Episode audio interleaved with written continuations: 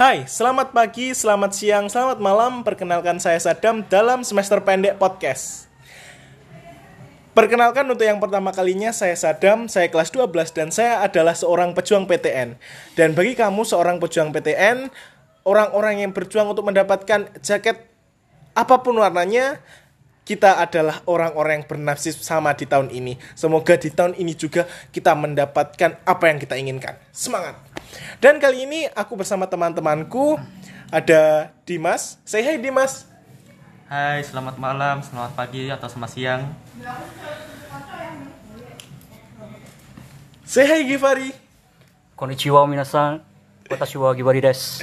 Dan Yoroshiku onegaishimasu. dan say hi untuk Sultan. Halo semua, nggak bisa bahasa Inggris. Jadi teman-temanku saat ini adalah mereka yang absurd. Uh, ada teman-teman yang expert dalam bahasa Jepang tetapi dia meng- mengambil bahasa Arab. Ada teman-temanku yang memang suka hukum tapi dia ambilnya politik. Dan ada temanku yang pintar desain grafis tapi dia mengambil ilmu politik karena ingin membuat karikatur untuk Oke, sebagian teks dihapus. Karena nanti bisa menjadi hal-hal yang tidak diinginkan kalau diteruskan. Oke, lanjut. Eh, untuk kalian, mungkin kita akan mulai dengan jawaban dari eh, Sultan kali ya. Oke.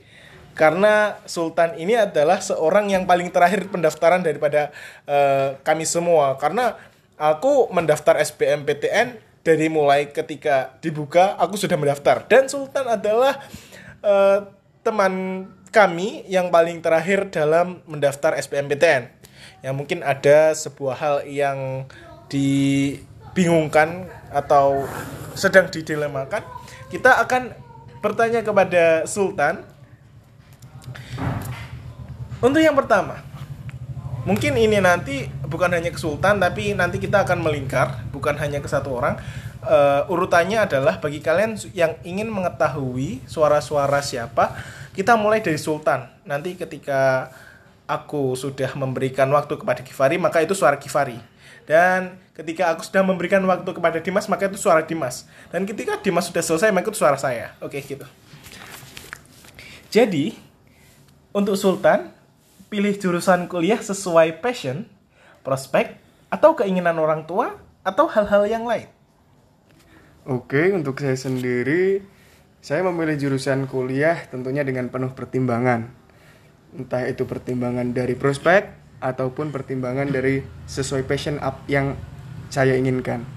Maka dari itu saya mengcompare dan membandingkan jurusan-jurusan yang ada di Indonesia, apa yang sesuai passion saya dan tentunya nanti mempunyai output atau daya keluar setelah saya lulus dapat diterima di masyarakat ilmunya, dapat berguna bagi masyarakat, dan dapat menjadi pribadi yang lebih baik. Oke, Eh, pernah nggak sih kalau kita kan mengcompare banyak sekali jurusan dengan prospek yang berbeda-beda, bahkan ada jurusan yang prospeknya sama, prospeknya beda-beda gitu, prospeknya sangat luas sekali. Terus kamu pernah nggak sih kayak dilema gitu, kayak nanti kalau gue sumpama ambil ilmu politik, terus gue nanti jadi apa gitu, gimana? Kalau dilema pastinya ada ya, apalagi kita di kelas 12 ini dihadapkan dengan berbagai macam jurusan, dihadapkan dengan berbagai macam universitas yang tentunya harus kita pilih dan kita harus mempertanggungjawabkan apa yang kita pilih itu. Sebenarnya saya tidak mengambil ilmu politik, tetapi saya mengambil ilmu hukum. Karena menurut saya hukum itu sesuai dengan passion saya, di mana saya menyukai tentang hukum-hukum yang terjadi di Indonesia, dinamika hukum, memperjuangkan hak-hak orang yang mungkin bisa dibilang harus diperjuangkan. Jadi seperti itu, itu alasan saya mengapa saya memilih hukum.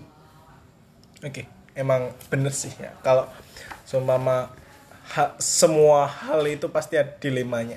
Oke, kita lanjut ke Givari. Eh, pertanyaan tetap sama. Hmm, gimana? Kamu pilih jurusan kuliah sesuai passion, prospek atau keinginan orang tua atau hal-hal yang lain.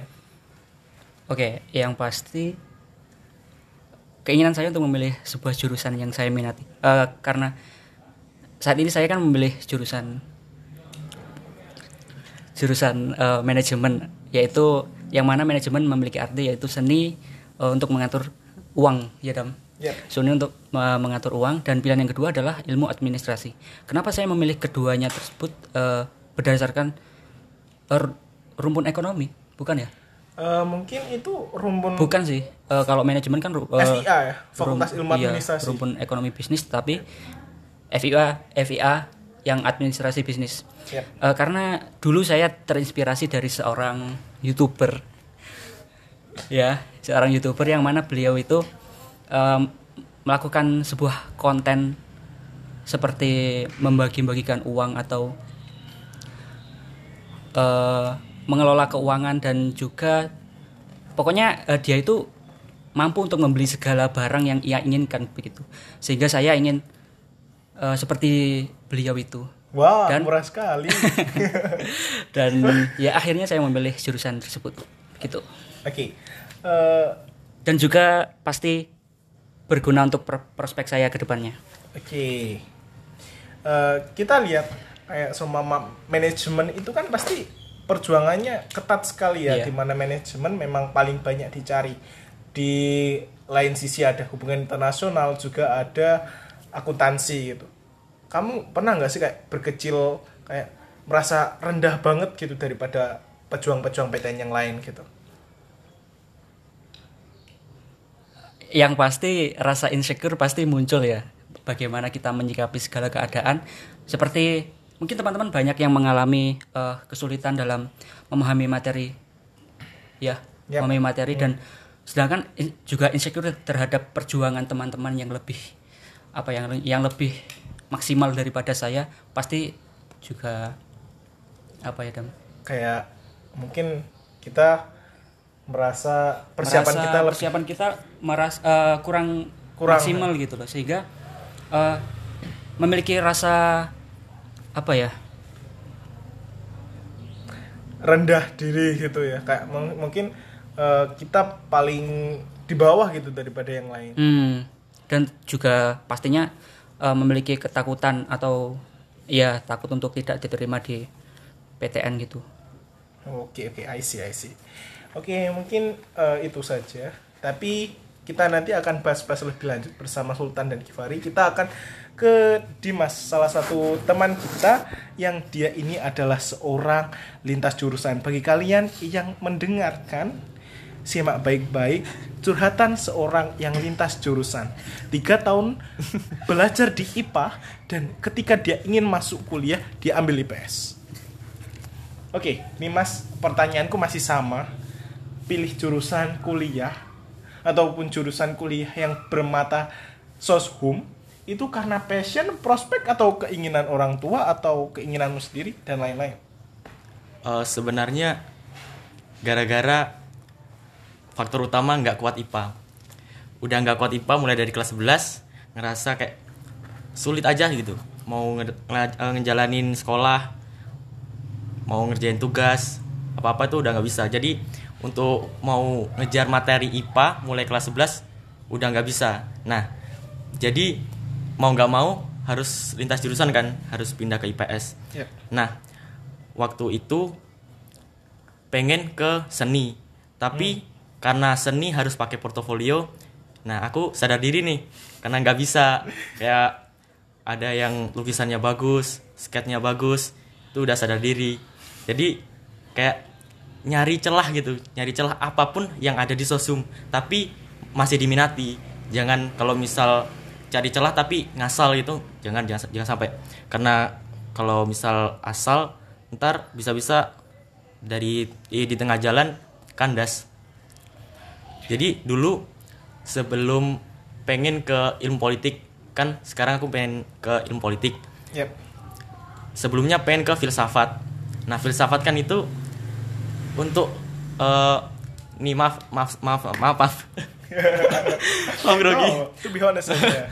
Kayak Maaf untuk yang- santai aja. Maaf untuk yang pilih ke filsafat.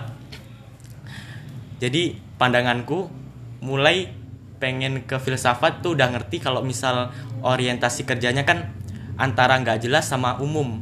Umum dalam artian dia nggak mengerucut harus ke misal hukum pasti masuk ke antara hakim, pengacara atau yang lainnya. Nah, untuk filsafat itu karena dia adalah mother of science, jadi dia nggak mengerucut sama satu prospek kerja. Jadi dia ya umum lah. Dan yang kedua nggak jelas, nggak jelas ini ya kita mau jadi apa? Kalau misal ditanyain orang kuliah di filsafat mau jadi apa? Ya kita mau jawab apa ya? Kita agak bingung gitu kan. Jadi mulai itu eh, keluargaku, orang tua, kakakku nggak ngizinin aku ke filsafat. Nah habis itu karena aku ini kan anak tongkrongan gitu. Jadi pembahasannya itu seputar entah itu politik, agama atau yang lainnya. Jadi dari situ kayak tertarik aja gitu sama ilmu politik. Jadi ya dari situlah pen ilmu politik. Oke. Eh, yang pasti kalau kita udah ambil sesuatu yang sangat berbeda daripada apa yang telah kita pelajari itu pasti udah kita pikirin dalam-dalamnya. Emang apa sih alasan yang bikin Dimas yang paling apa ya? Kayak tadi kan Dimas eh, Dimas sudah bilang kalau apa eh, nggak cocok ke IPA gitu. Tapi ada nggak sih alasan lain yang emang atau mungkin kalau kita se di mata pelajaran IPA itu kita gak mumpuni di salah satu atau bahkan semua pelajaran atau eh, kita nggak cocok dengan segala jurusan yang bermata kuliah IPA gitu atau apa sih? Penyebabnya pen pindah. Yap. Jadi dulu awal-awal waktu masuk SMA itu kan sebenarnya nggak pengen masuk SMK. Eh maaf, nggak nggak pengen masuk SMA, tapi pengen ke SMK. Nah untuk ke SMK-nya itu jurusannya desain pemodelan dan informasi bangunan. Nah karena itu orang tua saya kan eh, nggak ngizinin ke SMK karena kalau misal pengen kuliah itu harus ngejar materi kayak materi-materi teori gitu. Misal IPA nah terutama arsitek atau teknik sipil itu IPA kan. Jadi kalau pengen kuliah ya ke SMA aja. Nah dari situ aku pengen ke IPA dengan ada doktrin kalau anak IPA itu bisa pilih semua jurusan. Kalau anak IPS kan terbatas. Nah itu ada doktrin. Itu sebenarnya nggak bener. Nah, bener tuh. itu nggak boleh dipercaya. Kayak nanti karena susahnya di akhir. Kayak aku ini susah. Udah waktu di akhir tapi harus ngulangin IPS dari awal. Nah dari situ aku pilih ke IPA nah aku pikir kan lebih baik ngitung daripada hafalan. Nah ternyata hitung hitungannya tuh banyak untuk di IPA ya mungkin karena aku memang nggak di basicnya nggak di IPA ya. Jadi lebih suka ke masyarakat. Nah dari situ udah kayak mulai ke kelas 10 ini kayak nilai-nilai ulangan tuh banyak yang remet. Kan pengennya kalau kelas 11 ditingkatin. Nah itu nggak bisa. Kelas 11 itu udah kayak semua remet nggak ada yang Turning mau point. eh, nggak ada yang mau di atas KKM bahkan biologi selama tiga tahun yang nggak remet cuma satu kali itu pun karena nilai KKM diturunin I see, I see, I see. Emang sih kayak eh, gua dulu juga kelas 10 pertama kali masuk SMA itu kayak wah gua harus berprestasi nih. Gua harus bisa membanggain nama sekolah. Pas udah mulai kelas 11 jadi turning point dari aku ambis-ambisnya eh malah jadi kayak biasa aja gitu. Terus ya ya kayak gitu sih. Bener-bener gue setuju. Eh, Oke, kita semua di sini bertiga adalah orang-orang yang bukan termasuk orang-orang eligible buat ikut SNMPTN. Betul. Nah, Betul. terus pandangan kalian tentang SNM itu kayak gimana sih? Oke, mulai dari Sultan. Pandangan saya tentang SNM itu ya menurut saya anak yang eligible SNM itu adalah anak-anak yang sudah berjuang memperjuangkan nilainya dari kelas 1. So jika mereka diterima di SNM ya itu adalah hasil kerja keras mereka yang sudah mereka torehkan selama tiga tahun memperjuangkan nilai agar tetap stabil.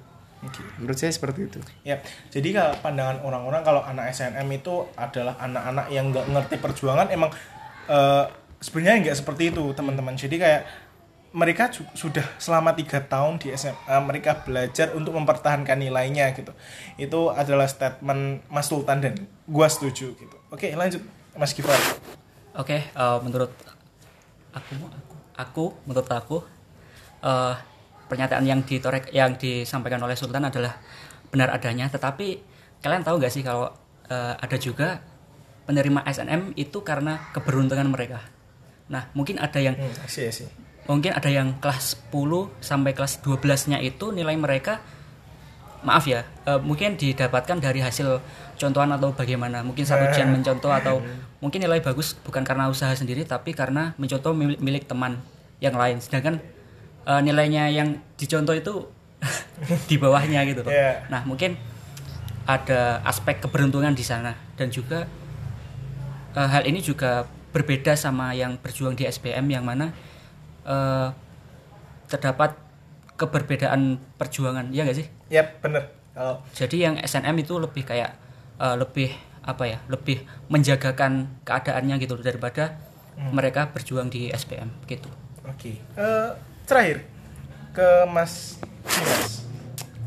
Eh, apa ya ya udah disebutin tadi kan SNM itu ya nilai raport jadi ya usaha dari kelas kelas 10 kalau misal ngomongin perjuangan ya itu tadi. Kalau ngomongin perjuangan untuk SNM ya ada anak yang perjuangin dari kelas 10 tapi dia nggak dapat gitu loh nggak bisa diterima nggak bisa lolos di SNM tapi ada anak yang bahkan nggak nggak pengen SNM di kelas 10 nggak pengen SNM tapi akhirnya dia lolos. Nah itu bukan cuman usaha dari kelas 10 sih.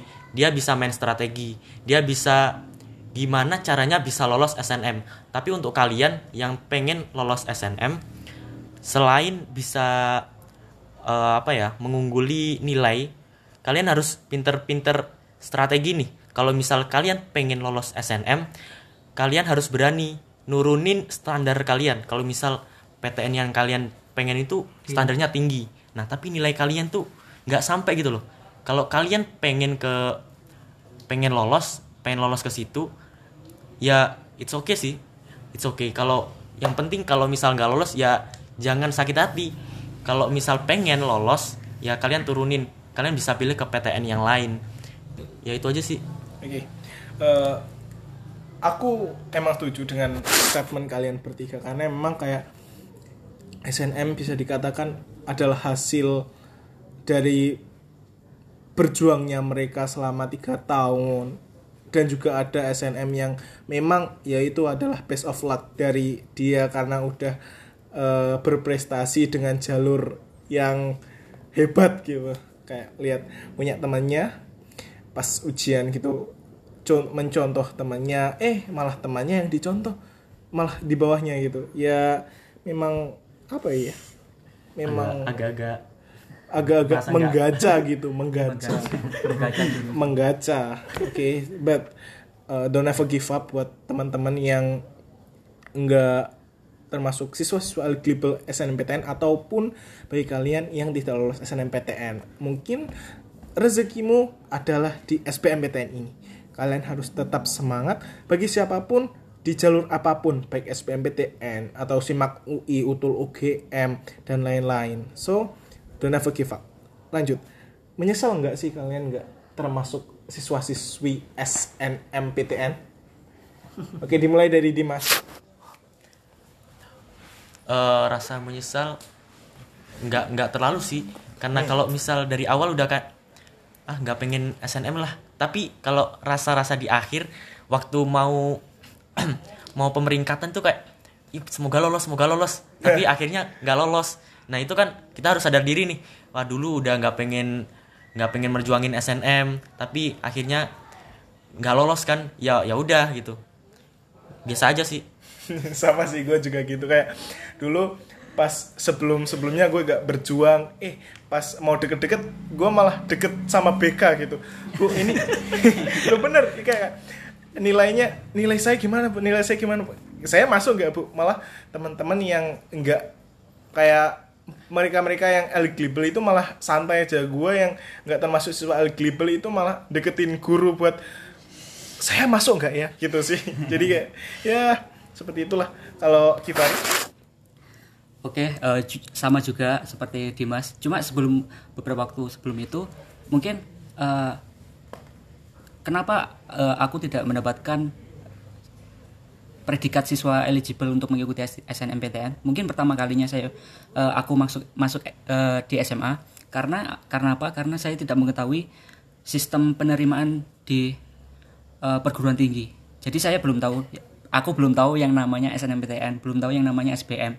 Jadi mau tidak mau aku harus eh, menjalani sekolah seperti biasa tanpa harus adanya eh, perjuangan gitu loh. Jadi ya baru tahu mungkin pertengahan kelas kelas 1 atau akhir akhir kelas iya. kelas 10 ya. kelas 10 ya Ya kayaknya itu.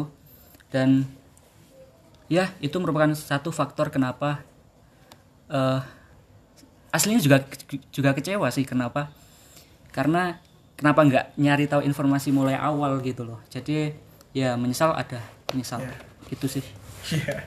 Eh, dan aku pun juga ya kayak mungkin teman-teman mungkin juga pernah sih merasain kayak gitu ya beberapa dari teman-teman. Kalau emang ketika kita apa belum mempersiapkan mulai sejak kita belum cari informasi nah itu sih salah satu faktor buat apa yang harus kalian evaluasi dalam diri. Jadi kalian baik eh, mungkin di sini pendengar ada yang kelas 10 atau kelas 11 mulailah cari-cari informasi. Sekarang bukan waktunya kalian untuk lihat-lihat karena eh, UTBK materinya bukan cuma materi kelas 12 gitu tapi UTBK materinya menyeluruh gitu. Apalagi tes potensi skolastik ada SPLDV, SPLTV yang itu diajarkan pada SMP oh maaf SPLTV itu SMA jadi kayak SPLDV dan aljabar yang kayak pemecahan masalah gitu itu SMP jadi kalian harus tetap belajar materi itu walaupun eh, ya jangan kayak aku yang udah lulus SMP malah di jual ke tengkulak gitu bukunya. Jadi jadi jangan kayak gitu ya guys. Jadi lebih baik simpan bukunya baca bukunya. Oke gitu. Tes potensi tes potensi skolastik itu yang bobotnya lebih besar daripada TKA katanya ya soalnya kita juga sama-sama pejuang PTN kita juga saling mencari informasi yang memang memang benar yang eh, bukan eh, hanya simpang siur karena memang kalau menurutku sampai saat ini teman-teman eh, penil- penilaian SBMPTN itu masih belum keluar eh, sistem penilaiannya. Jadi teman-teman tetap mengevaluasi hasil tryout seperti penilaian tahun kemarin. Jadi ya sama siap-siap lah kayak gimana nanti bakal seperti apa. Oke lanjut Sultan. Oke, kenapa nih? Eh, menyesal nggak kamu bukan termasuk siswa SNMPTN? Nah, kalau masalah itu ya kalau penyesalan pasti ada yang namanya penyesalan. Tapi aku eh, setuju sih Dam sama statementmu barusan eh, bahwa kita harus eh, apa bisa di- kita harus memperjuangkan SNM itu dari kelas 1. Karena pada kelas 1 ya saya seperti itu. Saya sudah terlalu senang masuk SMA favorit, kemudian saya malah menjadi tidak belajar dan akhirnya malah menjadi kacau. Nah, pada kelas kelas 1 saya itu bisa dibilang jarang mengerjakan tugas karena sudah senang ya diterima di SMA negeri favorit lagi. Kita semua kayak gitu. Nah, karena itu ya untuk pesan-pesan kepada adik-adik kelas 1 supaya tidak menyesal seperti kita, marilah kita berjuang mulai dari kelas 1, kita lebih membuka mata kita tentang bagaimana kehidupan setelah SMA. Karena kehidupan setelah SMA itu bisa dibilang penentu masa depan kita, penentu keberhasilan kita, penentu bagaimana bagaimana kita nanti di masyarakat. Penentu pengalaman dan menambah relasi. See. Nah, jadi seperti itu. So, banyak pengalaman yang akan kalian dapat ketika SMA. Tapi kalian juga harus mengimbangi. Kalau kalian pengen masuk ke SNMPTN kelas 12 nanti, maka mulai saat ini bagi kalian kelas 10 ataupun kelas 11 yang masih ada waktu, tingkatkan prestasi kalian. Di lain sisi, kalian juga tidak boleh lupa bahwasanya SNMPTN hanya mengambil beberapa siswa. Bukan semua siswa eligible masuk, tapi beberapa siswa yang memang ditentukan oleh PTN tersebut untuk masuk. Jadi bukan berarti kalian sudah masuk menjadi 40 eh 40% siswa yang eligible terus kalian tinggal menunggu skor. Nah, jangan seperti itu, guys. Jadi kalian harus tetap mempersiapkan SBMPTN bahwasanya aku pasti ada resiko aku lolos dan aku punya resiko aku gagal. Jadi seperti itu. Oke, lanjut ke terakhir tadi karena Sultan sudah memberikan pesan, maka saat ini pertanyaan terakhir adalah pesan untuk kelas 10, 11 dan 12 ataupun siswa-siswi SMP yang mendengarkan podcast saya hari ini ini adalah pesan-pesan dari kakakmu yang akan berjuang di PTN. Ini adalah pesan-pesan dari temanmu yang akan berjuang di PTN pada tanggal 12 sampai 18, 26 sampai 28 April. Silahkan Givari.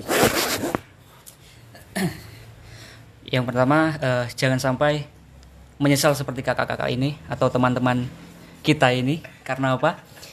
Eh, lebih baik mulai aja dulu, mulai eh, belajar sekarang, mulai mencari-mencari informasi tentang sistem penerimaan PTN ataupun mungkin hal-hal yang lain dan juga saran kuasai materi dari kelas 10 sampai sampai dengan kelas 12 karena yang diujikan di PTN nanti adalah materi tersebut. Dan eh kalau misal kalian memang berminat untuk SNMPTN ya kalau misal eh, niatnya kalian ingin SPM ya sama juga strateginya yaitu menguasai seluruh materi. Karena SNMPTN dan SPMPTN eh, diambil dari nilai usaha kalian nilai hasil rapot dan, juga nilai hasil UTBK seperti itu. Oke. Mas Dimas nih. Oke untuk adik-adik yang misal masih kelas 10 atau SMP kalian harus ngerti ya apa yang pengen kalian jalani nanti. Apa yang eh, kalian mau jadi apa waktu di masa depan nanti. Kalian harus mikirin itu. Karena untuk saat ini penjurusan di SMA itu kan kelas 10 kalau dulu kan kelas 11 jadi kalian dalam waktu satu tahun masih bisa bikin gambaran ntar pengen jadi apa? Pengen masuk ke jurusan apa? Nah untuk kalian saat ini kalian harus memikirkan dari lulus dari SMP kalian mau ke IPA atau IPS jangan sampai ngerasain waktu masuk di IPA eh nggak cocok. Eh, waktu masuk di IPS eh nggak cocok. Jadi harus kalian harus memikirkan betul-betul kalian mau jadi apa.